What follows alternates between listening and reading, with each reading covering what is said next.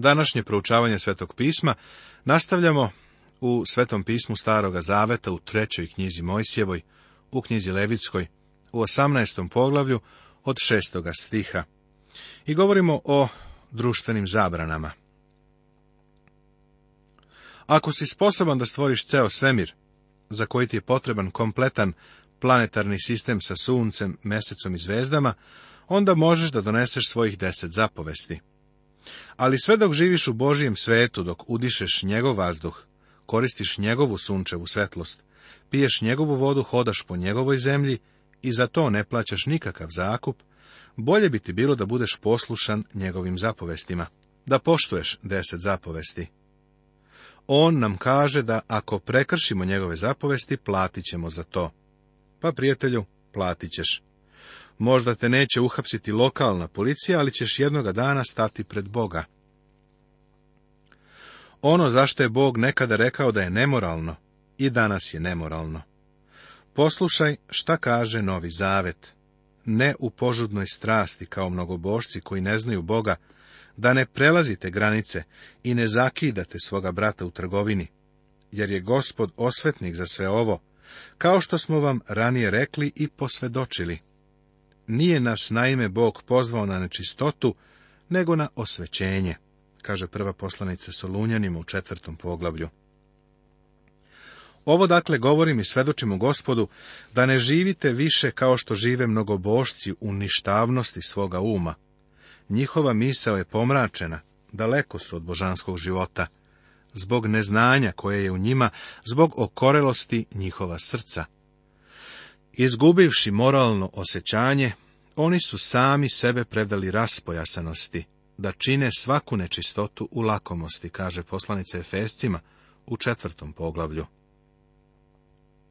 Napisao sam vam u stvari da se ne mešate sa onim koji se brat zove, a bludnik je, ili gramžljiv, ili idolopoklonik, ili opadač, ili pijanica, ili razbojnik, sa takvima nemojte ni jesti, kaže prva poslanica Korinčanima u petom poglavlju.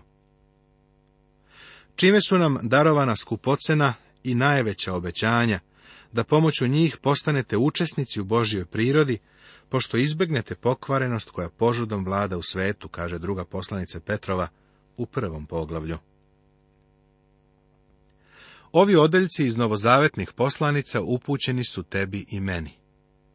Dete Božije u svakom dobu pozvano je na sveti život.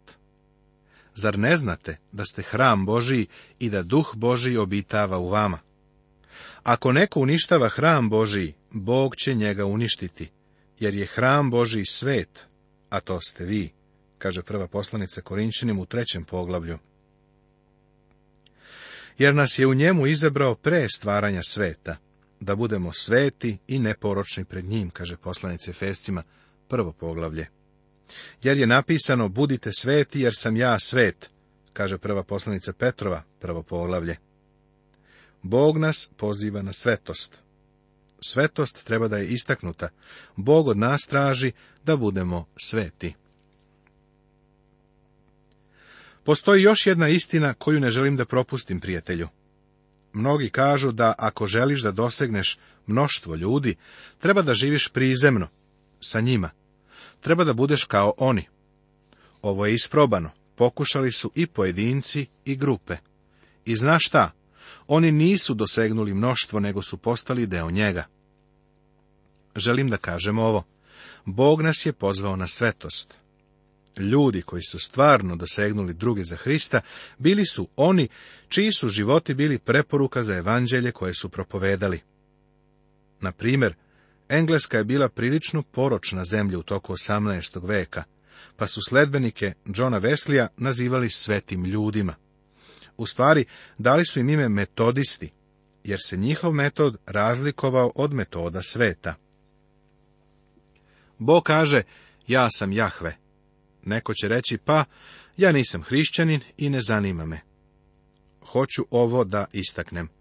Bog nagoveštava svoju suverenost. Bog je stvorio ovaj svemir i on ga vodi. I on kaže ja sam tvoj Bog. On je Bog sa kojim smo se izmirili. On zna kakvi smo, pa ipak nas voli. Prijatelju, ako si izmiren s Bogom, želećeš da mu ugodiš. Dete Božije se ispunjava svetim duhom Božijim, tako da ne čini ove grehe tela, nego proizvodi plodove duha. zabrana seksualnih odnosa sa rođacima. Niko da ne pristupa k rodici svoje po krvi, da otkrije golotinju njezinu. Ja sam gospod. Jasno je izrečeno da nijedna osoba ne sme da ima seksualnu vezu sa bliskim rođakom. Ceo ovaj odeljak razrađuje sedmu zapovest. Ovde se ovi stihovi odnose na sve one koji su u krvnom srodstvu. Zatim se ide dalje. Bog je određen i on navodi razlog ja sam gospod. Golotinje oca svojega, ni golotinje matere svoje ne otkrij, mati ti je ne otkri golotinje njezine. Golotinje žene oca svojega ne otkri, golotinje je oca tvojega. Ovo je upozorenje protiv odvratnog incesta. Ipak to je greh koji je postojao u Korinskoj crkvi. Pavle ga je strašno osudio. Čuje se uopšte da blud vlada među vama i to takav blud kakvog nema ni među mnogobošcima, da neki ima očevu ženu, kaže prva poslanica Korinčanim u petom poglavlju. Ovo su stvari o kojima se i danas razgovara, zar ne? Vidiš, i Bog o njima govori. Nemoj mi reći da je danas drugačije stanje, Bog je vrlo jasno rekao šta je greh. Niko u vezi sa ovim ne može da napravi grešku, prijatelju golotinje sestre tvoje, kćeri oca tvojega ili kćeri matere svoje, koja je rođena u kući ili izvan kuće, ne otkri golotinje njihove. Golotinje kćeri sina svojega ili kćeri kćeri svoje ne otkri, jer je tvoja golotinja. Golotinje kćeri žene oca svojega koji je rodio otac tvoj, ne otkri, sestra ti je. Golotinje sestre oca svojega ne otkri, jedna je krv sa ocem tvojim. Golotinje sestre matere tvoje ne otkri, jer je jedna krv sa materom tvojom. Golotinje brata oca svojega ne otkri pristupujući k ženi njegovoj, strina je. Golotinje žene sina svojega ne otkri, snaha je, ne otkri golotinje jezine. Različiti međuljudski odnosi koji su ustanovljeni krvnim srodstvom ili brakom razmatrani su u ovom odeljku na određen način. Rođaci su u domaćoj situaciji međusobno povezani, pa je to moglo da dovede do preljube. Bog postavlja barijere da bi to sprečio. Egipat je praktikovao ove grehe, posebno one spomenute u devetom stihu. Faraoni, Ptolomejevići, praktikovali su stupanje u brak sa rodbinom i to sa braćom i sestrama. U početku protiv ovoga nije bilo zakona. Kain i Set su morali da ožene svoje sestre. Avram je oženio svoju polusestru, Međutim, sada zakon zaustavlja tu praksu. Golotinje žene brata svojega ne otkri, golotinje je brata tvojega. Za ovaj stih postoji izuzetak i to je zakon o deverskoj dužnosti, odnosno o osvetniku, kako piše u petoj knjizi Mojsijevu u 25. poglavlju. Zabrana različitih seksualnih greha Golotinje žene i kćeri njezine ne otkrij. Kćeri sina njezina, ni kćeri kćeri njezine nemoj uzeti da otkriješ golotinju njihovu, jedna su krv. Zlo je. Nemoj uzeti žene preko jedne žene, da je ucveliš otkrivajući golotinju drugoj za života njena. Ovo nije krvno sročstvo, nego kroz brak. Zbog bliskog odnosa žene sa sinom ili kćeriju, svaki brak je zabranjen. Očigledno je da oba ova stiha upućuju na to da čovjek istovremeno ima dve žene. Ovdje se to smatra incestom, a ne bigamijom. U jednoj verziji Biblije ta dva stiha ovako glase. Ne otkrivaj golotinju ni žene ni njene kćeri, niti uzime kćer njenog sina, ni kćer njene kćeri da je otkriješ, oni su krvni srodnici, to je incest. Dok ti je žena još uvijek živa, ne uzime njenu sestru kao suparnicu, da bi otkrio njenu golotinju. Sa ovim problemom se siroti Jakov suočio kada je dve sestre uzeo za žene, Rahilju i Liju. Istorija ove porodice nije baš bila srećna. Međutim, seti se da je Jakov živeo pre nego što je dato deset zapovesti. K ženi dokle se odvaja radi nečistote svoje ne idi da otkriješ golotinju njenu. Zakoniti bračni odnos između muže i žene su u određeno vreme bili zabranjeni. Čulnost mora da se podredi Božijem zakonu. Sa ženom bližnjega svoga ne lezi, skrvneći se sa njom. Veruj mi, Bog podiže ove nasipe da bi zaštitio porodicu od razuzdanih navika neznabožačkih naroda koji su živjeli oko njih. Porodica na zemlji je trebala da odražava porodicu na nebu, po poslanici Efesima 3.15. Čistota življenja je bila obeležje i simbol Božje porodice. U šatoru od sastanka je postojalo sveto mesto za službu Bogu. Dom je bio sveto mesto za život u tom narodu. Novi Zavet se također dosta bavi ovim. Dobro bi bilo s ovim u vezi pročitati prvu poslanicu Korinčanima, sedmo poglavlje. Zabrana žrtvovanja potomstva Molohu od semena svoga ne daj da se odnese molohu, da ne oskrvniš imena Boga svojega, ja sam gospod. Semena svoga znači njihovu decu. Ovaj stih deluje kao da se ne uklapu u ovo poglavlje, ali pagansko služenje molohu je bilo vrlo povezano sa seksom. Kip starog moloha je bivao užaren, a onda su tela dece polagana u njegovo naručje. Teško je i zamisliti ovakav užas. Neki veruju da se nešto tako nikako nije moglo desiti. Međutim, sveto pismo govori o takvoj praksi. A sefarvimci spaljivahu sinove svoje Adramelehu i Anamelehu bogovima sefarvimskim. Piše u drugoj knjizi caravima u 17. poglavlju. I sagradiše visine Tofetu, koji je u dolini sina Enovova, da sažižu sinove svoje i kćeri svoje ognjem, što nisam zapovedio niti mi je došlo na um, kaže knjiga proroka Jeremije sedmo poglavlje. Ovaj užasni običaj kalja sveto ime Božje. Neprirodna brutalnost ovog paganskog obreda predstavljala je duboko skrenavljanje imena istinitoga Boga. Božja ljubav prema deci je očigledna od postanja do otkrivenja. Gospod Isus je rekao, pustite ih k meni. Zabrana seksualnih perverzija s muškarcem ne lezi kao sa ženom, gadno je. Teško je poverovati da baš tu, u samom centru Los Angelesa u Kaliforniji u Americi, jedna crkva je priredila plesnu zabavu za seksualne perverznjake. A rečeno mi je da je na plesu bilo više od 700 ljudi. Bilo je tako kruto da je jedan okorali novinar otišao tamo da napiše izvešte, ali je ipak izašao. Ta crkva je bila angažovana u sve to. Prijatelju, Bog to osuđuje.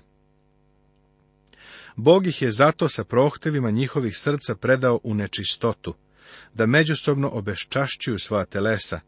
Oni koji su lažju zamenili Božju istinu, poštovali i klanjali se tvorevini umjesto tvorcu, koji je blagosloven veka. Amin. Zato ih je Bog prepustio sramnim strastima, njihove žene zameniše prirodno opštenje neprirodnim, a isto tako i ljudi ostaviše prirodno opštenje sa ženom i u svojoj požudi raspališe s jedan na drugoga. Tako da ljudi sa ljudima čine sram i na sebi primaju zasluženu platu za svoju zabladu. I pošto se nisu potrudili da upoznaju Boga, Bog ih je prepustio njihovom izopačenom umu da čine što ne priliči. Ovo je pet stihova iz poslanice Rimljanima prvoga poglavlja. Izopačenost koja je ovdje spomenuta danas je uobičajena. Amerika je poput Sodoma i Gomore. Prosto mi se plače kada vidim kuda ide ova zemlja. Ja volim Ameriku, tu sam rođen, ali mrzim da gledam prljave, nečiste, nemoralne ljude koji nas vode pod sud. Veruj mi, prijatelju, Boži sud je već danas nad nama. Nemamo mira na polju, nemamo mira u kušnji. Zašto? Nema mira bezbožnicima, veli gospod, u prorotku Isaiji u 48. poglavlju. Živinčeta nikako ga nemoj obeležiti, skrvneći se sa njim i žena da ne legne pod živinče, grdilo je. Ovo je stvarno neizrecivo užasno. Ovo se praktikovalo u kultovima za plodnost i pri obožavanju prirode bludnost i razuzdanost su uvek povezani sa idolopoklonstvom na najponižavajući način. Ako misliš da se ovo i danas ne praktikuje, onda treba da porazgovaraš sa policajcima u gradu kao što je Los Angeles u Americi. Oni će ti reći. Narodi u Palestini isterani su, jer su počinili te grehe. Nemojte se skvrniti ni jednom ovom stvarju jer su se svim tim stvarima oskrvnili narodi koje ću odagnati ispred vas. Jer se oskvrnila zemlja i nevaljalstvo njezino ću pohoditi na njoj i izmetnuće zemlja stanovnike svoje. Narodi u Palestini su bili oterani jer su činili ove gnusne i grozne grehe. Iz tog razloga su isterani iz zemlje. Mnogi današnji propovednici, koji su ljubazni i nežnoga srca, kukaju jer je Bog isterao Hanance. Evo razloga zašto je to učinio. Bog nije mogao da toleriše ono što se dešavalo. Hananska zemlja je bila izjedena veneričnim bolestima. Šta misliš, zašto je Bog Izraelcima rekao da u Jerihonu ne uzimaju ni šipku zlata i da ne dotiču odeću? Oni su bili krivi za najgnusnije grehe koji se mogu zamisliti. Zar ne misliš da je Bog imao dobar razlog da ih otera? Nakon svega, ako stanar ne plaća zakup, može biti izbačen. Prijatelju, sticajem okolnosti pod navodnicama, Bog je vlasnik te zemlje. Prijatelj, ovo je način na koji ti i ja nastanjujemo ovu zemlju. Ovdje smo samo pod zakupom. Zemlja je Božija. Ovo je njegova briga, a bilo bi dobro da postane i naša. Prevagnući i odoleće ono što je njegovo. Nego vi držite zakone moje i uredbe moje i ne činite ni jednoga ovoga gada, ni domorodac, ni došlja koji se bavi među vama, jer sve ove gadove činiše ljudi u ovoj zemlji koji su bili pre vas, i zemlja je od toga oskvrnjena. Da ne izmetne zemlja vas ako je oskvrnite, kao što je izmetnula narod koji je bio pre vas. Jer ko učini štogod od ovih gadova, istrebit će se iz naroda svoga duše koje učine. Zato držite što sam naredio da se drži, da ne činite što od gadnih običaja koji su bili pre vas i da se ne skvrnite o njih. Ja sam gospod Bog vaš. Bog svome narodu daje dvostruko upozorenje, ako nameravaju da slede isti princip koji su imali i njihovi prethodnici u toj zemlji. U tom slučaju usledit će isti, ako ne i gori sud. Božja zemlja mora biti sveta, Krajnji Boži cilj jeste da pravda prekrije zemlju. Poglavlje 19. Tema Društveni gresi Primjena zapovesti na životne situacije Sada se nalazimo u odeljku knjige gdje se deset zapovesti objašnjava u vezi sa društvenim životom naroda. Ne znam ni za šta drugo što je ovako praktično kao ovaj odeljak. Boži zakon želi da nam saopšti jedno, a to je budite sveti jer sam ja svet, gospod Bog vaš. Ovo je temelj i osnova za sve aspekte života u Izraelu. Ovo je objašnjavalo sve što je Bog zahtevao ili zapovedao. Prožimalo je i zalazilo u svaku poru njihovog svakodnevnog života. Svetost u svakodnevnom životu sa svim njegovim međuljudskim odnosima bila je nešto najvažnije u svakodnevnom životu Božjeg naroda. Ovo je nešto što danas ponovo treba isticati. Ovo nije puka teorija. Božja namera je da bude uključen u same naše živote. Zakon ne može da proizvede svetost koju zahteva. Zakon je tražio svetost, ali je nije obezbeđivao. Ovo nam ukazuje na pravednost zakona, ali visoki stepen koji je tražen nije mogao da se postigne ljudskim trudom. A znamo da sve što zakon govori, govori onima koji su pod zakonom i da sav svet bude kriv pred Bogom, jer delima zakona niko se neće opravdati pred njim. Posredstvom zakona dolazi samo poznavanje greha, kaže poslanica Rimljanima u trećem poglavlju. Kako je divno to što nam je Bog dao svoga svetoga duha koji prebiva u nama. To je sila koja nam je potrebna za hrišćansko življenje. Razlog za svetost koji je naveden u ovom poglavlju, ja sam gospod tvoj, ili ja sam gospod pojavljuje se 16 puta. Bog iscrtava liniju između onog što je dobro i zlo. Samo on može da napravi oštru razliku između onog što je sveto i što nije sveto. Nijedan drugi razlog ne treba da se da. Pregled. Društveni gresi primjena zapovesti poglavlje 19. Prvo. Čovekov odnos prema Bogu stihovi od prvog do osmog. Drugo. Čovekov odnos prema sirotima stihovi 9. i 10. Treće. Čovekov odnos prema njegovom bližnjem stihovi od 11. do 18. I četvrto, čovekov odnos u različitim životnim situacijama, stihuje od 19. do 37. Nastavit će se.